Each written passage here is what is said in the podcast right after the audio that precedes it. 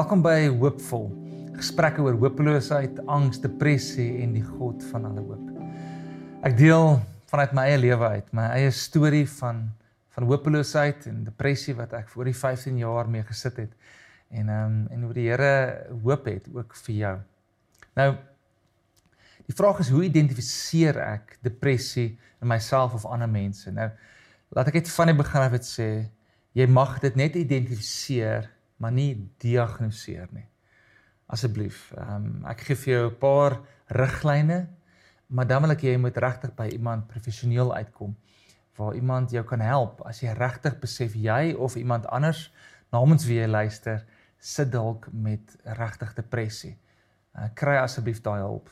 Ons het laas keer gesels oor uh, oor 'n definisie vir depressie van 'n vriend van my Erik Skooman wat gesê dis 'n fisiologiese emosionele, kognitiewe, geestelike en verhoudingsreaksie op iets wat wat fout is in jou wêreld. Ehm um, en ek wil graag aan hierdie vyf areas uh, vir jou wys waar kan jy sien uh, waar ehm um, jy of iemand anders dalk depressie het om dit te kan help identifiseer en en uh, hierdie is dalk alom bekend, maar ek ek wil graag hier in, beweeg om om vir jou regtig graag te help in hierdie area um, om dit te kan te kan raak sien. Die eerste area is natuurlik die fisiese area. Iemand wat depressie begin het of of wat dalk ehm um, begin in angs inbeweeg is is iemand wat gewoonlik nogal sukkel om te slaap. Die slaappatrone is besig om net net weg te gaan. Sukkel om in slaap te raak. Vir my baie keer as ek in die middel van die dag 2 uur of 3 uur wakker geword het, kon ek nie weer in slaap raak nie. Jou gedagtes gaan net dit maal net. Ehm um, in die oggend as jy opstaan is daar min energie. Ehm um, baie keer is daar 'n gevoelloosheid. Jou gesig kan soms net strak wees. Ehm um, daar's nie lewe in dit in nie. Ehm um, mense met depressie wil self nie eintlik meer versorg later nie. Sukkel ehm um, om regtig hulle hulle hulle mooi na hulle self te kyk. En natuurlik eetprobleme. En nou party mense begin heeltemal ooreet. Ander eet net glad nie, het geen uh hongerlus nie. Ehm um, dan in die area van emosies. Emosies is groot en seker die grootste een wat uitstaan is skuldgevoelens. Mense met depressie het het oormatige skuldgevoelens. Ek ek ek onthou dit was een van die groot goed. Ek het net skuldig oor alles gevoel. Ehm um, en is baie keer ongegronde skuldgevoelens. Daar's 'n gevoel van waardeloosheid. Jy voel net ehm um, ek beteken niks vir niemand nie. Natuurlik is dit alleen maar jy glo so sterk. Jy's teleurgesteld in jouself. Ehm um, ek onthou ek het altyd nie net gevoel ek het misluk nie, maar ek het gevoel soos 'n mislukking. Not that I just failed, but I felt like a failure. Daar's 'n algemene hartseer, net hierdie hierdie swartgalligheid, as ek dit so kan stel. Ehm um, en dit is nie noodwendig eh, as gevolg van rou of verlies nie. Dis net hierdie hierdie hierdie diep hartseer. Ander mense is weer heeltemal afgestomp van emosies. Party is lusteloos of geïrriteerd en weet nie eintlik hoekom nie.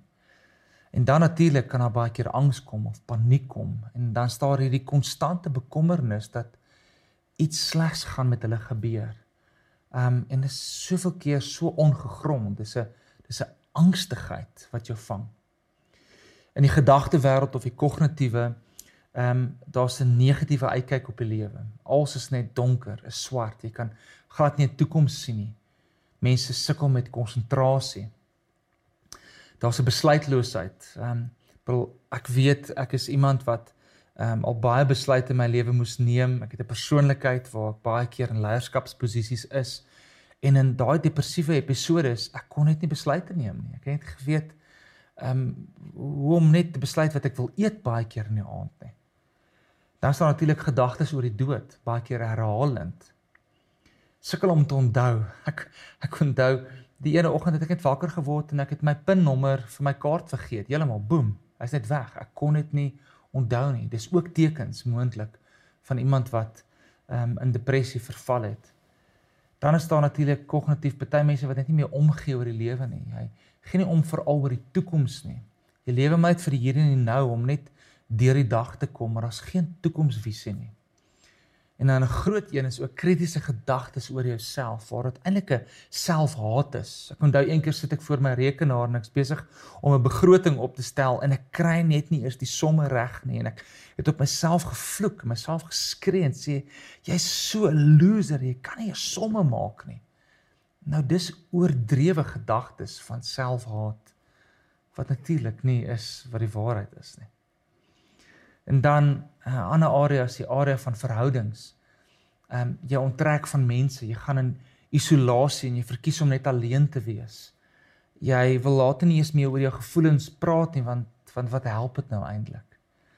Ehm um, daar's baie keer ook meer konflik as wat daar gewoonlik is. Konflik met mense wie jy lief is. Dit kan familie wees, dit kan vriende wees, maar omdat daar baie keer irritasie is en daar's gefrustreerdheid is daar ook as gevolg van dit meer meer konflik, baie meer misverstande, ook omdat jy so oorsensitief is in jou emosies en in jou verhoudings, jy's lig geraak en en jy gaan baie keer oor ehm um, tot tot konflik dan en baie keer ook selfs aggressie.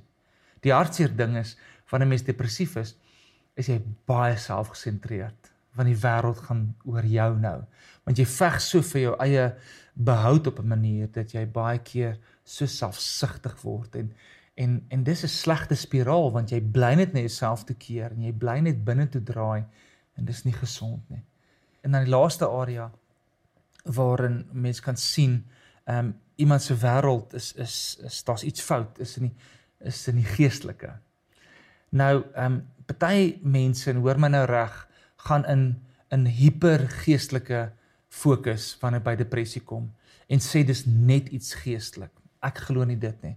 Ek glo daar kan definitief 'n geestelike en dan ook demoniese uh inspraak en invloed wees. Maar dis nie net dit nie. Ek hou regtig daarvan en uit my eie lewe uit om dit sterk holisties te benader. Maar op die geestelike vlak is dit mense wat 'n baie erge preokkupasie het met hulle eie foute, hulle eie swakhede. Jy dink heeltyd God is kwaad vir jou. Ehm um, en dan wat jy begin doen jy onttrek van God en van sy kerk en van sy mense. Ehm um, en joh, wat 'n hopelose plek is dit dan wanneer jy nie eens na God toe kan draai nie. En dis dan waar die waar die vyand soveel leuns ehm um, in jou in jou gedagtes begin plaas. Want jy dink eintlik God het jou verlaat. En daai is die grootste leuen, want waarheen gaan jy nou as hy jou verlaat het? In daai tye van my depressie weet ek die stem van die aanklaer was so groot. Hy kla my die heeltyd aan. Onthou jy kla jouself nou aan, maar daar's nog hierdie ander stem ook wat vir jou sê, wat vir jou lieg oor wie God is, wat vir jou lieg oor wie hy is en en vir jou sê dat God is nie meer vir jou nie, hy's teen jou. En dan sê hy vir jou daar is nie eens eintlik hoop nie. En dan voel jy verlore, selfs al is jy wedergebore. Nou ek wil met daai eindig, hierdie tyd saam. Jy moet onthou Hebreërs 13 vers 5 haal eintlik Deuteronomium 31 vers 5 aan wanneer dit sê ek sal jou nooit verlaat nie. Ek kan jou nie verlaat nie. Jy sien toe Jesus op die kruis in ons plek sterf. Toe het hy daai woorde geuiter en gesê my God, my God, waarom het U my verlaat? Sodat ek en jy dit nooit hoef te sê nie. God kan jou nie verlaat nie. Al voel jy dalk so. Al het jy dalk van hierdie simptome. God het jou nie verlaat nie. Jy kan hom toe hardloop. Dankie dat jy ingeskakel het by Hoopvol. Vir verdere hulp, asseblief gaan besoek eh, www.sakevdsiel.org om 'n Christen sielkundige se perspektief te kry op depressie en ook hulp hiervoor te kry. Of andersins kan jy inskakel by SADAG, South African Depression and Anxiety Group en hulle kontak by 080 045 6789.